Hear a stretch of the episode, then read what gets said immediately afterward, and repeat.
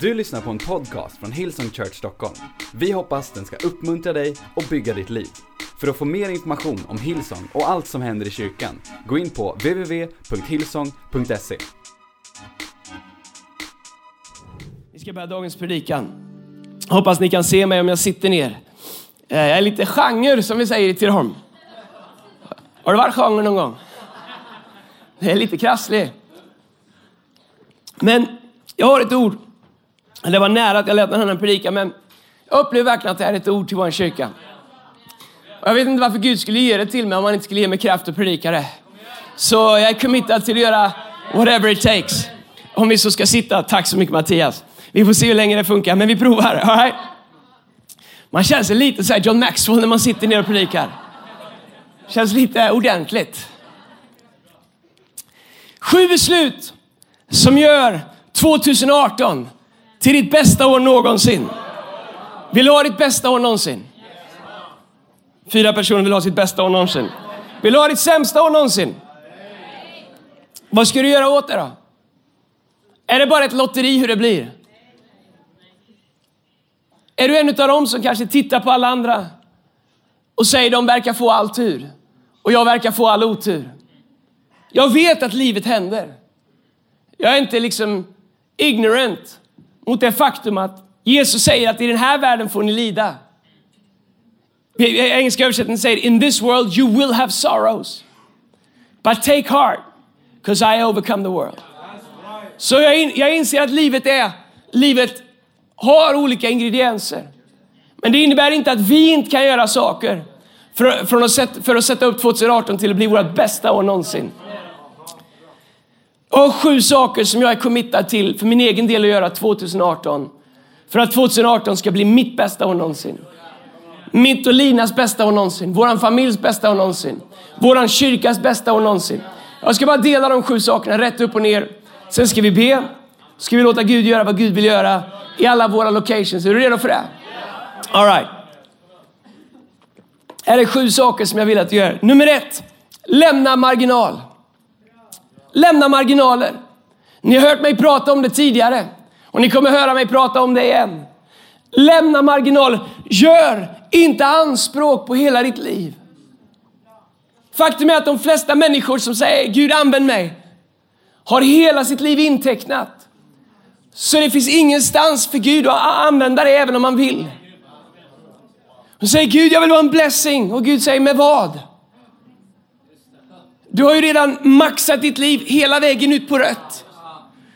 Tidsmässigt, ekonomiskt, emotionellt, relationellt.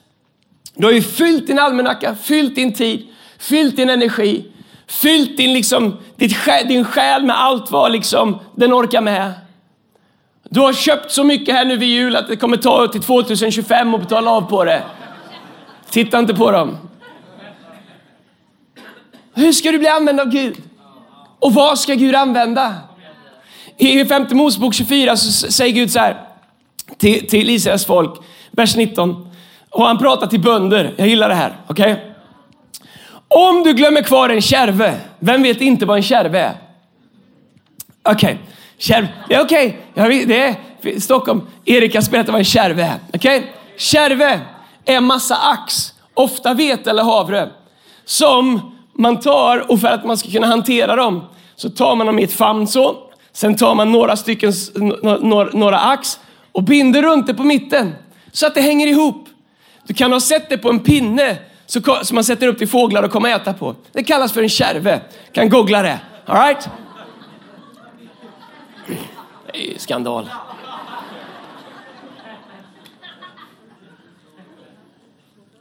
Det är riktigt pinsamt tycker jag. Att veta vad en kärve är.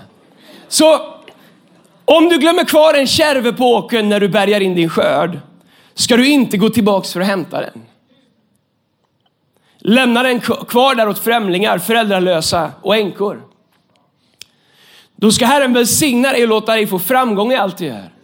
Vad är han säger? Alltså när du inte går och hämtar allt som är ditt. När du inte gör anspråk på allt som egentligen är ditt utan lämnar det, lämnar utrymme åt andra människor och får njuta av din välsignelse. Då kommer Gud välsigna dig.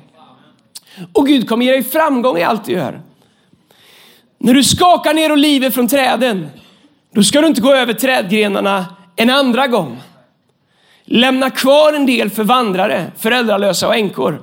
Samma sak gäller druvorna i din vingård. Lämna det som är kvar till dem som kan behöva det. Faktum är att Gud instruerar oss att göra utrymme i våra liv. Att klara av att leva våra liv på mindre än vad vi faktiskt har. På mindre. Faktum är att han uppmanar oss att anpassa våra kostymer, anpassa våra liv, anpassa våra åtaganden, anpassa våra ambitioner så att det finns utrymme i våra liv för andra människor som inte har vad de behöver. Om hela din lön varje månad går till dig själv, då lever du inte enligt det sätt som Gud har bett oss att leva. Men jag säger inte att Gud dömer dig. Jag säger bara att det finns en viss sorts välsignelse som inte kan nå fram till dig. Därför att det finns en viss välsignelse, en av de största välsignelserna som Gud ger, handlar om hur vi gör utrymme i våra liv för att ta hand om änkorna, föräldralösa, de värnlösa, de svaga, de som aldrig kan ge tillbaks, de som aldrig kan göra rätt för sig. Jag pratar inte om de som aldrig sträcker sig efter plånboken när du är ute och äter. Jag pratar om de som genuint inte har möjlighet. Därför så behöver vi leva liv. Vi behöver ställa oss frågan, finns det utrymme för Gud att använda mig? Och när vi säger, när det, det fanns en sång för förr som de sjöng, på stridsfältets höjder vill vi ge våra liv. Men vad är det du ska ge där? Eller har du bränt allting innan du ens kommit till stridsfältets höjder?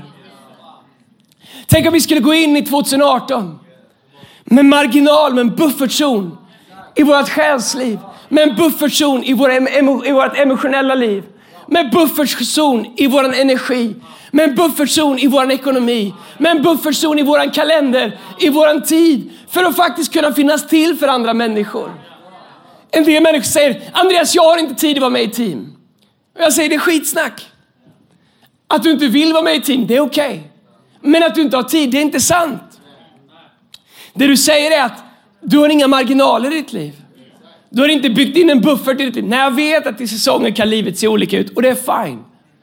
Men jag tror av hela mitt hjärta att oavsett vilken säsong i livet du är i så finns det någonting som du kan göra för att tjäna Gud. Har ni hört uttrycket Oh my God? Har jag, eller inte det uttrycket. Jag bara tittar på klockan. Okej, okay, så här är det. Jag kommer predika länge idag. Lite länge. Vi gör så här. När du tycker att det börjar bli tråkigt, då får du gå. Men jag vill bara säga så här. Vi för anteckning där bak, vilka som går. Och om du går kommer du absolut inte komma in i himlen. I Göteborg om ni går tidigt, då kommer Gud göra er till Gaisare allihopa som går. Så gå gärna, jag kommer ropa ut ert namn när jag ser er. Det finns ett uttryck som är så här. Om man vill få något gjort ska man fråga någon som redan har mycket. Och det ligger mycket i det. Det är märkligt tycker jag i en organisation, volontärorganisation hur man ser hur människor lär sig vart man får svar snabbast. Vart man får hjälp snabbast. En av dem som ofta har flest bollar igång samtidigt är Erik Liljerum. Och jag kan se på människor i vårt staff, i våra volontärer, hur de har lärt sig. Vill jag ha svar snabbt, då går jag till Erik. Varför? För han har mest tid? Nej. Men det finns en anledning att han får mycket gjort. Och vi har många sådana. Men vad är det som gör att vissa människor som redan har mycket alltid har rum för lite till? Det är för att de lär sig bygga marginal. De lär sig använda den tid de har. Faktum är att du har lika mycket tid som den som redan har mycket men ändå kan göra mer. Frågan är bara hur du, vad du gör med din tid. Det finns ett räkneexempel som jag gett många gånger men om du inte har hört det skulle jag vilja ge det till Jag skulle utmana dig det här året att faktiskt kanske föra timdagbok. Och jag skulle vilja säga till dig, om du för timdagbok under tre månader så kommer det förändra livet på dig. Halvtimmes dagböcker bara, eller kvartar om du vill vara riktigt seriös. För dagbok i slutet av varje dag, gå igenom din dag, varje kvart, skriv ner vad du gjorde med den. Du kan få lite olika kategorier utav mig som jag har.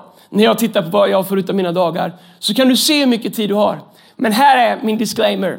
Det kommer vara väldigt läskigt för du kommer se hur mycket tid som försvinner till saker du inte hade en aning om att de försvann till. Och du kommer upptäcka hur mycket tid som försvinner utan att du vet vart det tog vägen. Vet du vad? Alla har under en vecka 156, 168 timmar. 168 timmar. All right? Alla, har, alla får sju timmar, äh, förlåt, alla får 24 timmar, sju dagar i veckan. Alla har samma mycket. En del säger, jag har inte tid, det har du visst. Du har lika mycket tid som alla andra. Alla har samma tid, okej? Okay?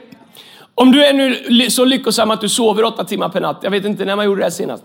Men låt säga att du sover, doctors recommendation, åtta timmar per natt. Då är det 56 timmar. Okej? Okay? 56 timmar. Då har vi 112 timmar kvar. Om du jobbar heltid, heltid i Sverige räknas till 40 timmar säger facket. Okej? Okay? Om du jobbar 40 timmar, det är en heltid. Om vi drar bort 40 timmar ifrån det, då har vi alltså, nu måste jag räkna också, 70 timmar kvar, eller vad kan det bli? Nej, vänta, vänta 46. Eh, 40, eh, det är alltså, eh, nu är det segt här uppe kan jag säga. Okej. Okay. Va? 70, 72 ja, tack ska jag uh, come on, jag ser många siffror. 72. Men Andreas, man måste hinna med livet. All right. Hinn med livet. Hur mycket tid vill du ha? Vill du ha en heltidsjobb med bara sköta om livet? Kom tänk dig att ha en heltidsjobb åtta timmar om dagen. Fem dagar i veckan. Tvätta, städa, träna, kolla på match. Gå ut och gå, plocka svamp. Facebooka. Skicka styrkekramar. 40 timmar i veckan! Vem har det? To run life. Men du får det. Vi är snälla, du får 40 timmar i veckan också. Lika mycket som ett heltidsjobb. 40 timmar. Du har alltså sovit 8 timmar per natt. Du har jobbat heltid. Du har fått en hel heltid till. Till att bara ta hand om livet. Som du säger att du inte hinner med. Då har du 32 timmar kvar. Vad gör du med dem? Du har 32 timmar kvar att tjäna Gud. Om vi nu skulle dela upp livet så, så att vi inte tjänar Gud med alla våra vakna timmar. Men människor säger Andreas, jag har inte tid att tjäna Gud. Jag har inte tid att vara med i team. Jag har inte tid att vara med i en connect-grupp. Jag säger, du är bara otroligt dålig på att leda ditt liv. Du behöver gå på bootcamp. Istället för att låta livet leda behöver du leda livet. Du behöver ta ledningen i ditt liv. Du behöver komma upp, du behöver vara ledarhästen i ditt liv. Du behöver springa längst fram i hundspannet. Sluta vara längst bak och bara följa med ditt livet tar dig. Du har tid att bry dig om människor. Du har tid att läsa Bibeln. Du har tid att tjäna Gud. Du har tid att gå, gå på gudstjänster. Du har tid att vara med i en connect-grupp. Du har tid att bry dig om din nästa. Du har tid. Om du lämnar marginaler, låt inte livet leda, utan led livet. Ta ledningen i ditt liv. Okej, okay, nummer ett, lämna marginalen. Nummer två, stretcha din tro. Jag älskar det här, jag skulle kunna predika om det här resten av mötet. Men stretcha din tro. Vi måste stretcha våran tro. Våran tro är som muskler. Antingen så växer de eller förtvinar de. Det var någon som sa till mig, jag tror han ljuger, han sa att från och med att man fyller 40 så tappar man 1,5% muskelmassa varje år. Jag vet inte var han fick det ifrån. Känns helt omöjligt med den här kroppen. Men faktum är att muskler antingen så expanderar de eller så krymper de. Antingen så, antingen så växer de eller krymper. Så är det med våran tro. Våran tro är som en muskel. Om den ligger i träda så torkar den ut. Om den används så växer den. Och det den inte kunde göra, det den inte kan göra idag, det kommer den kunna göra om två år. Om du bara använder din tro, om du fortsätter att stretcha, om du fortsätter att belasta din tro. Psalm 84, vers 6 säger så här. Saliga är de som har sin styrka i dig som har dina vägar i sitt hjärta. När de vandrar genom Tåredalen gör de den rik på källor och höstregnet täcker den med välsignelser. De går från kraft till kraft. De träder fram inför Gud på Sion. Så Gud säger att vi ska gå från kraft till kraft. Inte från kraft till nederlag. Vi kan gå genom utmaningar. Men även genom utmaningar så går vi från kraft till kraft. Tro behöver belastas, tro behöver användas, tro behöver sättas i funktion. Om, om ditt liv inte kräver tro, om du kan leva ditt liv utan tro. All right? Om du kan gå igenom din vardag utan tro. Om du kan klara ditt äktenskap utan tro. Om du kan uppfostra dina barn utan tro. Om du klarar din ekonomi utan tro. Om du klarar ditt givande utan tro. Då har du nöjt dig med ett för litet liv. Gud vill att vårt liv ska kräva tro. Därför att allt som inte sker i tro är synd, säger Bibeln. Därför säger Bibeln att den rättfärdige ska leva av tro. Hebreerbrevet 8.38. Den rättfärdige ska leva av tro. Det innebär att vi ska ge på ett sånt sätt så att det krävs tro. Att vi ska älska på ett sånt sätt så att det krävs tro. Att vi ska våga sträcka ut våra tältpluggar på ett sånt sätt så att det krävs tro. Om du gör samma sak under 2018 som du gjorde 2017 så är det inte tro. Du vet ju att det går för du har ju redan gjort det en gång. Nej, i år behöver du sträcka ut tältpluggarna lite till. Du behöver stretcha det lite mer. Du behöver ge utrymme för tro, ge utrymme för Guds mirakler, ge utrymme för att se Guds förmåga i ditt liv. På alla områden i ditt liv. Om ditt liv inte kräver tro så behöver du inte Gud. Jag vill bara låta det sjunka in lite grann, för jag menar verkligen det. Om varje område i ditt liv som inte kräver tro är ett område där du inte behöver Gud. Och om du inte behöver Gud så har du inte gett det till Gud. För har du gett det till Gud så kommer han leda dig till en plats där du kommer säga, åh gode Gud, hur ska det här gå till? Jag behöver dig. Och Gud säger, I know. Det är därför jag har gett dig gåvan att tro. Alla områden vi ger till Gud kommer kräva tro. Alla områden vi har i våra liv som vi inte behöver tro för, har vi inte gett till Gud. Tänk om vi skulle göra en inventering inför 2018 i våra hjärtan. Och säga Gud, vilka områden i mitt liv behöver jag ge till dig på nytt? Kanske gav du dem till Gud för tre år sedan. Kanske har du sett hans trofasthet och du har vuxit in i det som han ledde dig till. Men nu behöver du inte Gud längre för du har lärt dig att leva i den välsignelse som han gav dig. Men du förstår, Gud, han är en framåtrörelse. Han vill att vi ska gå från kraft till kraft, från härlighet till härlighet. Han vill att du ska leva i tro. Vilka böner kommer du be 2018 som du inte vågade be 2017? Vilka steg i tro kommer du ta 2018 som du inte vågade ta 2017? Vilka förväntningar har du på Guds löften? Att de skulle ge verkning i ditt liv 2018 som du inte vågade förvänta dig 2017. Come on! Förvänta dig mer, tro mer, lyft din blick. Jag önskar jag kunde stå upp och skrika på det. Kan jag? Så ni inte somnar. Come on! Höj din förväntan på Gud. Höj din expectation. Come on somebody! Ja, jag kommer ner till er om ni inte vaknar till. Höj din förväntan på Gud. Lyft upp din blick. Förvänta dig mer av Jesus. Sitt inte här och, och bara ha samma sak 2017. Förvänta dig mer 2018. Förvänta dig att Gud ska vidga dina vyer. Att Gud ska öka dina områden. Be Jabets bön. Att han skulle välsigna dig, att han skulle beskydda dig, att han skulle utvidga ditt område. Att han skulle promota dig på jobbet. Att han skulle ge dig den där flickvännen eller pojkvännen som du har drömt om. Inte om du är gift men om du är singel. Come on somebody. Att Gud skulle ge dig den där affären som du har gått och bett för. Att Gud skulle välsigna dig med det, där, med det där steget i livet som du har drömt om. Att du skulle kunna köpa den där lägenheten som ni drömmer om. Att vi skulle kunna flytta till det där radhuset. Att vi skulle kunna åka på den där semestern. Come on! Expandera din tro. Förvänta dig någonting av Gud. Nöj dig inte med samma, samma, samma, samma. Hey, Gud, han vill att du ska gå från kraft till kraft, från härlighet till härlighet.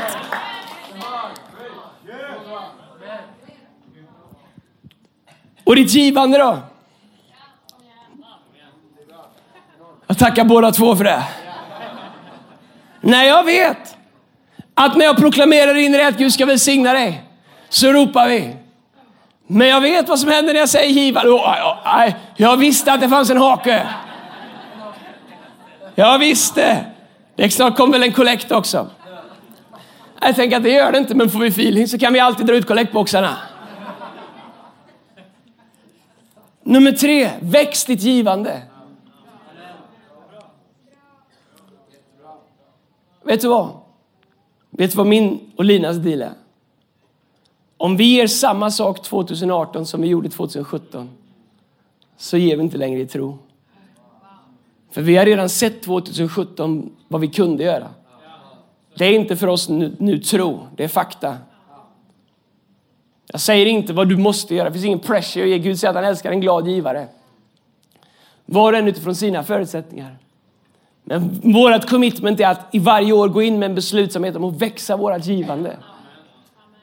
Därför att vi vill att göra mer utrymme för Gud. Vi vill fortsätta ge tro. Kolla här, det finns i, i, i Nya Svenska Levande Bibeln i Andra Korinthierbrevet kapitel 9, vers 6. Jag ska läsa eh, 11 verser. Du överlever, häng med här. Men kom ihåg att om ni ger lite så kommer ni få lite. En bonde, förklara sen Erik, en bonde som bara sår några få korn får bara en liten skörd. Men om han sår mycket så får han skörda mycket. Var och en måste bestämma sig för hur mycket han ska ge. Tvinga inte någon att ge mer än han verkligen vill. Det är de glada givarna som Gud värdesätter. Gud kan slösa sina gåvor över er och ge er allt ni behöver och mer därtill. Och det kommer inte bara att räcka till för era egna behov, utan det kommer bli så, eh, utan det kommer att bli så att ni med glädje kan ge till andra. Skriften säger, den gudfruktige är generös och ger frikostigt till sådana som har det svårt. Och man kan alltid räkna med hans barmhärtighet och kärlek. Vi läste om en bonde som ger. Kolla nu vers 10. Samma Gud som ger bonden säd och så och bröd att äta ska ge er mer och mer säd och så. När säd i den här bibeltexten är ekonomi. Säd är vi sår. Okej? Okay? Den som sår sparsamt får skörda sparsamt. Så samme Gud som ger bonden säd och så bröd att äta ska ge er mer och mer säd och så. Alltså Gud säger att Gud vill ge oss mer att så. Sedan ska han låta den växa så att ni får igen rikligt. På samma sätt ska er kristna tro bära frukt. Ja, Gud ska ge er mycket så att ni kan ge bort mycket. Och när vi lämnar era gåvor till dem som behöver dem så kommer de tacka och lovprisa Gud för er hjälp. Resultatet av er insats får alltså dubbel effekt. De människor som lider nöd blir inte bara hjälpta, utan de kommer dessutom att flöda över av tacksamhet till Gud. De kommer inte bara glädjas över er generositet. De kommer också att förstå att er tro är äkta när den visar sig i det goda som ni gör. Det finns några saker i som jag tycker är så otroligt fascinerande.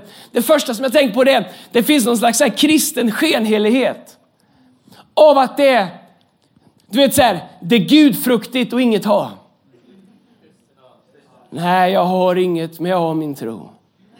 Hej, om du inte har någonting. Du har Gud och du har oss och du är en kyrka som är committad till att supporta dig. Jag vet hur det är att inte ha någonting. Jag vet hur det är att börja om på ny kula. Jag skrev en artikel i Dagen i veckan om en natt jag sov pank på en flygplats i New York utan mat. Jag fick fem dollar av en hemlös som hade mindre än vad jag hade, som jag kunde käka frukost för. I know!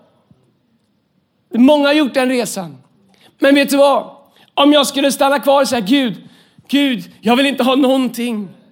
Jag vill bara ha en tröja, jag behöver inte ens en säng, jag kan sova på en matta. Allt jag behöver är dig. Vet du vad Bibeln säger? Det är att jag rånar dem som Gud vill välsigna. Faktum är att Bibeln säger att människor kommer prisa Gud när de ser vår generositet. Paulus säger att människor kommer länka vår generositet till Guds godhet. Människor kommer prisa Gud när de ser vårt givande. Så om vi har någon slags falsk kristen liksom bild av att det är saligt att inget ha. Djävulen vill att vi inget ska ha. För då kan vi inte bygga någon kyrka. Vi kan inte rädda nästa generation. Vi kan inte skapa nästa generations ledare, inte bara i vår kyrka, men i vårt land. Nästa partiledare, nästa läkare, nästa kommunfullmäktige, nästa rektorer, nästa professorer, nästa huvudmän på lärosäten, om det nu heter så. De ska komma ifrån våra led allihopa i Jesu namn. Men om vi säger nej, vi behöver ingenting, då kan vi inte göra någonting. Vi kan definitivt inte ge bort över 11 000 förnödenheter till fattiga människor om vi inte har någonting. Bibeln säger att människor kommer prisa Gud när de ser våran frikostighet. Så om du har en bild av att nej men jag behöver inte få skörda, så är du en egoist. Det är egoistiskt att inte vilja vara välsignad. Nu säger jag det som det är. Du är en superegoist om du inte vill vara välsignad. Det är din skyldighet att bli välsignad. Jag sätter ingen summa på det, det handlar inte om vilken bil du kör, det handlar inte om vilket hus Generositet handlar inte om vad du har. Generositet handlar om hur du ser på det du har. Men det är vårt ansvar att bli välsignade så att vi kan vara till välsignelse. Det är vårt ansvar att så, så att vi kan skörda och så att andra kan skörda. Det är några saker som jag ser här. Bibeln säger att Gud ger säd till den som sår. Faktum är att Bibeln säger att den som har ska givas ännu mer. Vad, är han, vad menar han? Jo, om, om, om, om, om du vore Gud skulle du ge dig mer pengar? Och om han gav dig mer pengar, eftersom Guds intention är att det ska komma andra människor till välsignelse. Om Gud gav dig mer, kan Gud lita på att andra människors liv skulle blomstra? Eller skulle det bara skapa mer av det som redan finns i ditt liv? Varför behöver du mer ekonomi? Varför behöver du ett rum till där du bor? När någon, ändå aldrig någon får sova över hos dig. Varför behöver du en så stor bil när du ändå aldrig har ringt någon och frågat om de behöver skjuts till kyrkan? Varför behöver du ett så stort fint matbord när du ändå aldrig bjuder hem någon annan på julafton? Vad ska vi med våra välsignelser till? Visa upp på Facebook, på Instagram, Instastories. Jag är så trött på sociala medier så att jag, jag kastar snart hela min telefon. Jag älskar att vi har det så bra. Men ibland undrar jag om vi har missförstått liksom, vad kristendom handlar om. Är, om hur många vinklar av I'm blessed vi kan visa upp. Jag älskar att du är välsignad, men vad är målet med vår välsignelse? Vems liv ikväll är bättre för att vi är välsignade idag? Vilka av våra grannars liv är på väg att bli förvandlade för att vi är så blessed? Men Gud vill att du ska vara välsignad. Han vill låta din bägare flöda över. Han vill låta dina lador vara så fulla så att det spricker. Du vet, eh, jag berättar vad lada är sen. Han vill låta det vara så fyllt så att det bågnar i dörrarna. Varför? Därför att han vill att vi ska kunna ge så att vi kan få skörda ännu mer, så att vi kan ge ännu mer. Det är tre saker den texten pratar om, jag måste skynda på. Att Gud vill ge, Gud letar efter givare. Och han fyller deras hus med resurser. Gud letar efter givare. Gud letar efter människor med stora hjärtan. Han letar efter dem. Han säger, oh, det här är generös. Du behöver inte ha ett jobb, han letar efter ungdomar som har studiebidrag som är generösa. Som bjuder på en double cheese när kompisen inget har. Han säger, ja, jag såg vad du gjorde med den double cheesen. My God, jag ska välsigna dig med en hel McDonalds-restaurang när du växer upp. Gud letar efter generösa människor. Vet varför han letar efter dem? Därför att han, Bibeln säger att han ger säd till dem och så. Han ger dem resurser så att de kan ge ännu mer. Det är inte människor som har som blir givare. Nej, det är människor som ger som blir välsignade.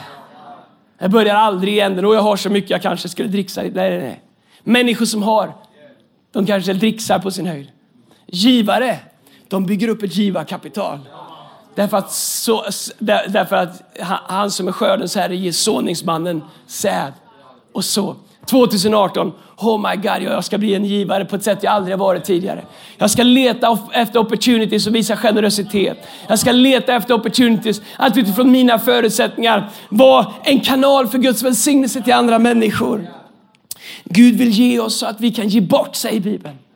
Det säger det. Han säger att Gud vill ge oss. Ja, Gud, vers 11. Ja, Gud ska ge er mycket. Jag säger bara vad Paulus säger. Gud ska ge oss mycket så att vi kan ge bort mycket till andra människor. Så säger han att de människor som lider nöd inte bara blir hjälpta utan de kommer dessutom flöda över av tacksamhet till Gud. Människor ser Gud genom vår generositet. Vet du varför jag säga någonting om vad det gäller tro också? Till dig som kanske inte har upptäckt kraften i tionde givande. Sist jag pratade om tionde så gjorde Peter en dokumentär om det. Here we go again. Vet du vad jag tror? Du får pröva det här. En av de viktigaste principerna med tiondet, varför Gud vill att vi ska föra tiondet till honom. Det är samma princip som trädet i lustgården. Det har 100% att göra med vårt förtroende med Gud. Adam och Eva fanns det träd i lustgården. Behövde de det trädet? Nej, det behövde de inte. Hade de allt de behövde utan att äta av det trädet? Absolut. Varför sa Gud det? Det var ett förtroende mellan Gud, Adam och Eva. Det var deras trust. Okej, okay? ett agreement och trust. Så Gud säger, ät inte av det. Allt annat får ni regera över. Ni kommer ha allt ni behöver i överflöd. Säg Gud till oss också. De 10 procenten, rör inte dem. Ni kommer ha allt ni behöver på de andra 90. Mer än ni behöver. Ni kommer bli välsignade. Alltså, ni ska välsigna när ni går in, välsigna när ni går ut. Välsignade kommer ni vara överallt. Ni kommer ha allt vad ni behöver. Men rör inte de 10 procenten. Det är vårt förtroende. Gud behöver dem absolut inte. Kyrkan behöver dem för elräkningar och andra saker, men Gud behöver dem inte. Han säger bara låt det vara vårt bond of trust. Men på samma sätt som för Adam och Eva som hade allt, men allt var inte tillräckligt utan de ville ha mer. Så är det med oss. Att vi litar mer på de 10 procenten än vi litar på, på Gud i den relation vi har med honom. För mig är det vad tionde handlar om. Jag behöver inte höra någonting mer om tionde. Jag behöver inte höra om att jag ska bli 30, 60, 100 fallt välsignad. Jag behöver inte höra om förbunden. Jag behöver inte höra om allt jag tackar Gud för det. För mig räcker det att Gud säger Andreas, jag vill ha ditt förtroende. Rör inte de tio. De tillhör mig. Om du litar på dem, mig och de andra 90 så kommer du ha allt vad du behöver. Och vet du vad? Jag kan av hela mitt hjärta säga, jag och Lina, vi hade inte klarat det vi har gjort om vi inte hade litat på, dem, på att Gud håller sin del. Sen vi startade den här kyrkan, sen vi faktiskt gifte oss och började vårt äktenskap, så har vi aldrig rört de tio. Vi har sagt Gud, även när vi inte ens har mat på bordet, även när vi inte ens har, vet hur vi ska få ihop räkningarna, även när vi liksom, liksom inte vet hur vi ska klara nästa månad. Så Gud, de där tio, de, de, de rör vi inte, det är dina Gud. Ditt förtroende är värt mer än de där hundralapparna eller tusenlapparna. Och så har Gud visat sin trofasthet. Åh, oh, jag skulle kunna berätta hela dagen om hur trofast han har varit. Jag kan berätta hela dagen om, om hur trofast Gud har varit, om hur trofast Gud är. Och en del kanske tänker, Andreas, du behöver inte leva i tro längre. Men varenda månad är ett liv i tro för mig, Lina. Varenda år är ett liv i tro. Därför att vi har bestämt oss för att stretcha varje år, varje år, varje år, varje år. Därför att vem vill leva ett liv som inte kräver tro? Men de där tio, det är våran deal med Gud, säger Gud. Det där är vad vi gör. Allt annat är vad du gör. Jesu. Jag skulle vilja utmana dig i Jesu namn. 2018. Pröva Gud. Bibeln säger att vi får pröva Gud när det kommer till tiondet. Pröva Gud. Come on! Säg fyra. Vi har låst dörrarna och vi är snart klara. Vårda din själ. Vi pratar om sju beslut. Sju beslut som kommer göra 2018 till ditt bästa år. Vårda din själ. Vet du vad? Gud vill inte bara frälsa din själ. Han vill att din själ ska må väl. Ibland så tänker vi att ja, men jag är i alla fall frälst. Men vet du vad? Gud vill också att din själ ska må väl. Gud vill att du ska enjoy life. Gud är intresserad av hur du har det. 3 Johannes kapitel 1, vers 2 så står det älskade broder, det betyder syster också. Jag hoppas att det går väl för dig på alla sätt. Vad är alla sätt? Alla sätt är alla sätt. Jag hoppas att det går väl för dig på alla sätt och att du är frisk liksom det är väl med din själ. Han skriver, jag önskar att det, att det ska vara väl med din själ. Nöj dig liksom inte med två tredjedelar eller en tredjedel. Liksom. Ja, det är ganska bra eller det är lite bra eller du vet så här, det är okej okay, eller nej, du vet, ande, kropp och själ. Ja, anden är stark. Kroppen är fräsch men själen är dålig. Själen har sitt men kroppen är förfallen. Och bättre har inte gjort sig, jag vet inte när. Förstår du? Nej, livet hänger ihop. Det går inte att separera livet i ande, kropp och själ. Det går liksom inte att dra isär dem. De hänger ihop men de är också tre. De är tre men de är också en. Vet du vad? Ibland om inte själen mår väl så måste man kanske börja titta i de andra två. Om din själ inte mår väl, vad kan det bero på? Sover du som du ska? Tränar du som du ska? Äter du bra? Lyssnar du på rätt människor? Får du öronen bara skit in här eller, skvaller och, och liksom negativitet? Eller, förstår du? Behöver du köpa peltokåpor och gå med på dagarna? Jag ska berätta vad peltokåpor är sen också Erik. Sorry, det blir mycket liknelse från verkliga livet här idag Erik. Jag är, jag är ledsen för det. Ibland när själen inte mår väl så behöver man kanske titta de andra två delarna. Har jag ett liv med Gud? Läser jag min bibel? Tar jag tid och ber? Går jag på gudstjänst och tänker gå på gudstjänst, är det viktigt? Det är livsviktigt. Det är livsviktigt. Nej, men du kommer inte klara dig som kristen om du inte går på möten. Bibeln säger försumma inte, försumma inte sammankomsterna. Nej, men jag, jag har min egen lilla grupp och den, den, den och en kopp kaffe kommer inte ta dig någonstans. Du behöver vara en del av en kropp. Den enda som inte behöver vara en del av en kropp är en blindtarm och ingen vill vara en blindtarm. Inte ens den smartaste professorn har hittat en uppgift för blindtarmen. Den är värdelös. Och du är inte värdelös. Alltså behöver du en kropp. Och för att din själ ska må väl så behöver du en connect-grupp. För att din själ ska må väl så behöver du ett regelbundet gudstjänstliv. För att din själ ska må väl, väl så behöver du göra någonting för andra människor. Men vet du vad? För att din själ ska må väl så kanske 2018 är ett år när du ska börja ta lite samtal med någon. Vet du att jag gick i terapi i nästan fem år? Terapi och terapi. Jag gick hos Kjell-Axel Johansson, han är pastor och terapeut. Han sa ingenting. Det var jobbigt. Man satt tyst. Värsta jag vet. Jag gick och tog påtår hela tiden. Och så speedade när jag kom därifrån. Han sa inget, jag bara drack kaffe. Men fem år senare så var jag hel från saker jag inte visste jag trodde det skulle bli. Vet du vad? Fast vi har en stor Gud så förnekar vi inte den kunskap som Gud ger oss. Gör whatever it takes för att bli hel. Låt din själ må väl det här året. Håll inte på att trycka ner saker som behöver tas upp och, och liksom göra det av med. Tryck inte ner sår som behöver få komma upp och göras rent och bandageras och få läkas ihop. Whatever it takes det här året, gör det. För att ha en själ som mår väl. Ta hand om det du har. Därför att du kan bara ge det du har. Paulus och Johannes som säger när de träffar mannen i sköna porten, silver och guld det har vi inte, men det vi har det ger vi dig. Bara en själ som mår väl kan ge det till andra människor. Ta hand om dig själv. Hitta en ventil. Vet du vad? Sport, jag skämtar mycket om det, men sport är en ventil för mig. Den får mig att inte bli helt tokig. Jag lever i en väldigt surrealistisk värld. Med mycket underbara människor och en hel del andra människor.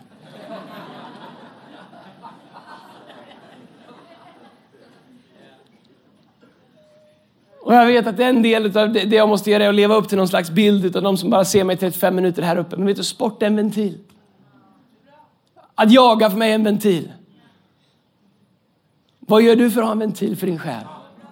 Du måste ta hand om dig själv, ta hand om din själ. Så att du har någonting att ge. Jesus gjorde det. Han predikade, botade sjuka, sen drog han sig undan. Sen försvann han. Vad gjorde han? Han tog hand om sin själ. Han gick till sin fader, han gick och hämtade kraft. Psalm 46, vers 10 står det Be still and know that I am God. Att stilla sig är ett aktivt beslut som ger din inre människa liv. Vet att det krävs stillhet i hjärtat för att kunna vila i Gud. Ibland måste man låta sitt hjärta få bli stilla. Spelar ingen roll hur mycket du sover om du inte låter Gud få stilla ditt hjärta. I Jesu namn. Nummer fem. Besluta dig för att vara dig själv. Guds gåvor är bättre än människors bekräftelser. Vet du vad? Jag skojar med Erik lite grann om bondetermer och andra saker. Även om jag kan vara ärlig, ska vara ärlig. Fram till jag var 35 så jobbade jag hårt på att gömma vart jag kom ifrån. Jag hade ingen dialekt, jag hade jobbat bort, jag hade bott i USA i, i fem år och flera år innan dess hade jag rest fram och tillbaka. jag ville vara en världsmedborgare och det var viktigt för mig att vara en del av den stora världen. Jag kom till Stockholm och det skulle inte synas att jag kom från dem. Sen när jag blev 35 och hårfästet började krypa upp och du vet så här, bröstmusklerna ville dra sig neråt. Och, äh, jag ser att många här vet vad jag menar. Och, och, och, och jag redan hade fått en snygg fru och, och, och, och barn och allting. tänkte, äh, vad i hela världen. Det är vad det är. Det är vad det är. Det är från Tidaholm. Vet du vad jag lärde mina barn vad ströga var? Vi var hemma i jul. Jag lärde dem att ströga Selina och Angina åkte sina första strög. De är fortfarande helt säkra på vad vi gjorde. Vi åkte runt i stan. Hej, det är vad det är. Det är vad det är. Hej, jag heter Andreas, jag är 42 år. Jag är från en, från en stad med 8000 invånare, 100 000 kossor. En av de kändaste sakerna vi har är Ed Medusa. Det är vad det är. Jag är från landet. Jag pratar västgötska, jag försöker att skärpa till mig när jag är här uppe. Och det roligaste jag vet, det är att de flesta utav er inte från Stockholm heller. Ta Simon Möller till exempel. Simon, Simon Möller från, från Mariannelund. Jag vet inte om den hemligheten fick komma ut eller inte, men faktum är, så många utav er, ni jobbar, inte Simon, så många utav er, ni jobbar så hårt på hur det ska se ut. Hej, var dig själv! Äg din mage! Come on somebody! Äg ditt hårfäste! Äg dina liksom eh, eh rynkor! Äg dina... Hey, work it baby! If you got it, working. Det är vad det är. Var dig själv. Sluta med alla dessa filter. Jag har hittat en vinkel som är perfekt.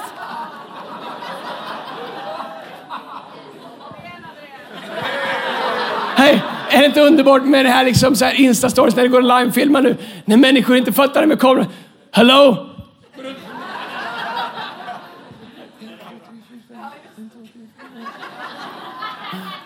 Här vill du ha ett tips? Bara lyft upp kameran lite grann ska du se vad som händer. Det är vad det är. Hej, lär dig älska dig själv det här året. Lär dig att vara dig själv. När David skulle slå Goliat så försökte man göra om honom till Saul, hängde på honom en rustning. När David fick på sig Sauls rustning, som var den bästa rustningen som fanns. Det var en dröm för vilken krigare som helst. När han fick på sig den rustningen så kunde han inte röra sig. Han sa, det här är inte jag. Jag vet att det finns ingen finare röstning. Det här är det finaste en krigare kan få. Det här är målet. Men det är inte jag. Ta av mig det här. Jag går ner till vattnet och hämtar några stenar. De passar till den slungan som jag har accepterat som min. Och i den andra handen så håller jag staven. Den funkar mot lejon och björnar och den får hålla en dag till. Den kanske inte är vad Sauls svärd är, men det är den här jag har. Sen dödade han Goliat. Vet du vad? När Sakarja säger förringa inte den, förakta inte den ringa begynnelsen. Så eh, grundordet för det är despise. Despise betyder att titta på det du har och på det någon annan har och se ner på ditt eget. Det är som att vara på restaurang, beställa in eh, en rätt och så tänker du det här är supergott. Ända tills din granne får sin rätt och du tänker varför tog jag inte det? har du varit med om det någon gång? Man tänker åh vad gott, vilken bra beställning. Ända till grannen kommer. Du beställer så här laxsallad och du känner det bra ändå med laxsallad. Ända till grannens cheeseburgare med bacon och pommes frites kommer du bara tänker vad tog jag den här skiten för? Förstår du? Det är det det bibelordet handlar om. Att inte se ner på den ringa början. Att despise, det är det det betyder. Här, sluta se ner på det. En del människor, du har inte njutit en dag av vad Gud har gett dig. För du har så fullt upp med att jämföra dig med alla andra. Gud har skapat dig unik. Du kan titta på det du har och se alltid ser ut som det är en stav när alla andra har svärd. Hej! Inga svärd högg huvudet av Goliat den dagen. Eller tog ner Goliat. Det var Davids slunga som gjorde det. En enkel fåraherdeslunga. Därför att han accepterade vem han var och när du accepterar vem Gud har gjort dig till så kommer Gud kunna använda dig. Låt inte sociala medier eller trender eller omgivning eller ens andra kristna försöka göra dig till något som Gud inte har skapat dig till. Den Gud har gjort dig till räcker för allt han har kallat dig till. Okej, okay, de två sista snabbt. Är ni med? Två till, snabbt. Nummer sex. Sju saker, som, sju beslut som kommer göra 2018 till ditt bästa år. Nummer sex. Investera i någon annans dröm. Jag vill utmana alla i vår kyrka, i alla våra sex locations. Där nere i Göteborg, i Jönköping, i Örebro, i Södra. Jag vill utmana alla i vår kyrka att göra någonting regelbundet det här året som kommer. För att aktivt investera i någon annan människas dröm. Helt utan payback för din egen skull. Bara för att du vill se dem lyckas, du vill se dem välsignade, du vill se dem nå sina mål. Du vill se deras, det, de, det de strävar mot gå i fullbordan. Sann välsignelse hos en människa går att mäta i hur den välsignar andra människor. Sann välsignelse mäts inte på bankkontot. Mäts inte hur lång båten är, eller hur många hästar det är i bilen, eller hur många kvadratmeter du har i huset. Jag har ingenting emot något av det. Sann välsignelse mäts i hur din välsignelse är till välsignelse för andra människor. Josef han investerade i andras drömmar även när han väntade på sin egen. Och Josefs vilja att inte bara tjäna Gud. Lyssna på det här. Josefs vilja att inte bara tjäna Gud utan också tjäna andra människor. Fick Gud öppna en väg för honom in i sin dröm. När Josef inte kunde komma till sin dröm så bestämde han sig för att hjälpa någon annan att komma in i sin dröm istället. Och det gjorde att Gud öppnade en väg för honom att komma in i sin dröm. Come on. Låt oss vara människor det här året som investerar i andras drömmar. Som, som öppnar dörrar för andra människor. När du hör om ett jobb, come on, vem, vem kan du tänka på som du kan rekommendera det för? När du ser en lägenhet som skulle passa. När du har två bilar och du bara behöver en. Och den ena kanske inte är så himla dyr och du måste inte sälja den. Varför inte fundera på vilket ungt par i våran kyrka skulle du kunna ge en bil till? Eller ge dem den fina bilen också om du vill. Men come on, jag säger inte vad du ska göra men tänk, jag ska vara helt ärlig. Det finns någonting vi har tappat lite grann i våran kyrka som vi var outstanding på. Som jag vill att vi återvinner. Den spontana generositeten. Jag hör för lite. Och jag säger det här, sätt det, bara sätt det, put it in perspective. Boy. Put it in perspective. Jag hör för lite av människor som blir spontant välsignade. Jag tror att det finns människor här som året, som är året som här. Du har en extra bil du kan ge bort. Du kan skicka någon på, på en spa-weekend som, som, har, som är småbarnsföräldrar som har kämpat. Du kan ta deras barn en helg och skicka dem på, på två hotellnätter. Eller köpa en, en spada åt dem, eller ge dem en restaurangbesök eller whatever. Eller boka en hemstädning åt dem eller whatever. Gör någonting. Vi, vi borde vara en kyrka som går runt och letar efter opportunities och välsignar andra människor. Varför då? Vad är det? Vad måste man göra? Nej, det måste du inte. Du, du är jättevälkommen till vår kyrka och aldrig välsigna någon. Men äh, pastor, det ska inte träffa dig. Men vad skulle hända? Vad vet du om vilket bönesvar du skulle kunna vara? Kanske är du det bönesvaret som Gud försöker skicka till människor. Kanske bara öppna upp ditt hem. Göra någonting. När du är och shoppar och du köper ett par jeans. Jag gillar de här. Weekday 400 spänn. Håller du länge som helst. Stretch. Man kan, de är bra vid jul. De stretchar. De är så här, jul, bra jul och sommarjeans. Kostar 400 spänn. Come on, köp två! Ge bort ett par! Gör någonting för andra människor. Låt det vara i våra DNA. Att vara generösa. Okej, okay, det sjunde och det sista. Se min vatten, jag har te på hela min iPad. Come on. Det sjunde och det sista. Led en människa till Jesus. 2018, come on, led en människa till Jesus. Och innan du får kramp, låt mig berätta vad jag menar.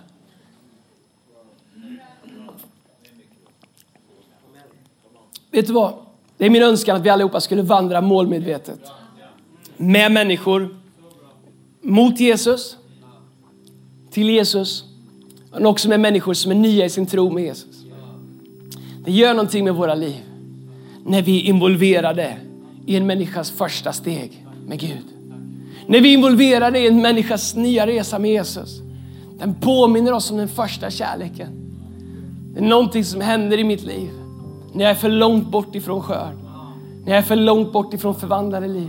Jag säger inte att du måste runt och knacka dörr och dela ut traktat, att du måste liksom stå och skrika en megafon på, på pendeltåget. Gör helst inte det. Men var tillgänglig för Gud. Vi brukar säga i vår kyrka att allt du behöver göra är att bjuda med dem hit till kyrkan. De som inte känner Gud, så gör vi resten tillsammans. Du behöver inte kunna hela Bibeln, du behöver inte förklara hur Maria blev gravid. Du behöver inte förklara vem som flyttar på stenen, du behöver inte förklara vart dinosaurier tog vägen. Du behöver bara säga, vet du vad det Jesus har gjort för mig? Det kan jag inte ens förklara. Men om du vill upptäcka vad det är, följ med mig på söndag. Och gillar du inte predikan så är det åtminstone bra kaffe efteråt. Är du singel så är det värt att komma bara för det. Ta med dem hit och låt Gud göra resten. Men vet du vad? Många av er, ni har gått med Gud så länge. Det finns människor i vår kyrka som skulle behöva få sitta i din soffa, dricka kaffe och få ställa sina frågor till dig. Få sitta vid ditt köksbord, få vara en del av din familj. Det är inte enkelt med de, nya, med de stapplande stegen med Jesus. Det är inte enkelt de första stapplande stegen. Jesus är mån om att alla ska bli bevarade. Vet du vad jag har upptäckt med människor som lever med nyfrälsta runt omkring sig? Två saker har jag upptäckt under snart 22 år som pastor. Det är helt sjukt. Att man fick starta när man var fem. Två saker har jag upptäckt. Det första är de som klagar på kyrkan eller på människor i kyrkan är oftast helt frånkopplade människor som är nya i tron. Alltid. Alltid bortkopplade. De som genuint liksom bara är gnälliga, genuint är negativa. Har inte massa, de har inte nyfrälsta runt omkring sig. Människor som omges med nyfrälsta har en tacksamhet omkring sig som ett resultat av det de ser Gud göra i sitt liv och i andra människors liv. Det finns någonting när man lever med nyfrälsta människor som bara ger oss en grace. Därför att vi ser vad Gud gör. Vår kyrka är inte perfekt. Ibland kommer människor och säger Andreas, jag har hittat ett fel. Och jag tänker, vad, vad vill du ha? Ett äpple, en kram eller en smäll? Jag har hittat tusen. Jag har, jag har fullt upp och vill ha Nobelpriset för att du hittade ett fel. Det enda felet med vår kyrka är att det är fullt med människor här. Innan människorna kom så var allt perfekt. Och när du kom så blev det värre. Men du passar bra in för du är som oss allihopa. Det finns massa problem här. Men Gud är här. Och det största problemet med vår kyrka är att det är för många som borde vara här som inte är här. Men 2018 vill jag utmana oss allihopa. Att leva med människor, vandra med människor till Jesus, med, med, med deras första steg med Jesus. Kom on, bli inte bara en sån som berättar om att människor behöver bli frälsta. Till oss som är predikanter, var inte bara sådana som predikar om frälsning eller gör frälsningsinbjudningar. Till oss som är ledare, se till att vi är omgivna med nyfrälsta människor. Så att livet är på riktigt i Jesu namn. Kom on, ska vi stå tillsammans? Låtsasteamet kan komma fram på alla våra campusar. Sorry att jag har dragit över så här länge. Jag får skylla på min influensa. Jag ska vi be en bön. Sen ska vi sjunga en lovsång, sen kommer vi gå var och en till sin campus. Alla huvuden böjda, alla ögon stängda så vill jag be en bön för det år som ligger framför. Och när jag ber den här bönen så om du är här idag och du säger Andreas, jag vill jag känner att det här var till mig. Kanske inte alla, kanske något av det, kanske många av det, I don't know. Men om du behöver fatta beslut det här året för att 2018 ska bli ett annat år. Så när jag ber så kan du göra ditt, du kan göra ditt beslut inför Gud där du står. Om att lämna marginaler, om att stretcha din tro, om att växa ditt givande, om att vårda din själ, om att vara dig själv, om att investera i någon annans dröm, om att leda en människa till Jesus. Kom om alla huvuden böjda. Fader i Jesu namn. Herre, jag ber det här året. Herre, att det skulle bli ett år som är mer än vad vi någonsin har kunnat ana, tro eller drömma, Herre Jesus. Herre, jag ber för var och en som är här, Herre, alla beslut som fattas på varje location runt om i Sverige just nu, Herre Jesus. Herre, jag ber för varje individ, varje familj, varje hem, Herre Jesus. Herre, jag ber helige Ande att du skulle tala till oss. Hjälp oss att fatta gudomliga beslut, Herre Jesus. Herre, så att vi kan leva fullt ut det liv som du har kallat oss till, Herre. Herre, jag ber i Jesu Kristi Nazarens namn, Herre. Herre, jag ber fyll oss med din kraft. Fyll oss, Herre, med din vishet. Fyll oss med din klarsynthet, Herre. Herre, jag ber för året som ligger framför. Herre, jag ber att vi skulle se människor komma till dig på ett sätt som vi bara kunnat drömma om tidigare. Herre, jag ber för våra campusar. Herre, fyll dem i Jesu namn. Herre, jag ber för våra locations. Fyll dem i Jesu namn, Herre. Herre, jag ber för varje individ. Fyll dem med din heliga Andes kraft. Herre, jag ber för dem som haft ett, ett tufft år 2017. Herre, jag tackar dig för att du vänder det i Jesu Kristi Nazarens namn till 2018 och blir ett segerår i Jesu namn. Herre, jag talar ut din välsignelse. Jag talar ut dina löften. Jag talar ut allt som du har lovat i Jesu namn. Över var och en i Jesu namn. Vi prisar dig och vi ärar dig. Kom on, vi sjunger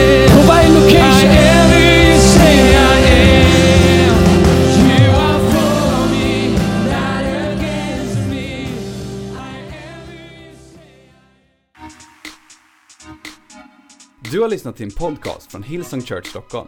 Om du vill veta mer om vår kyrka eller om våra söndagsmöten, surfa in på www.hillsong.se.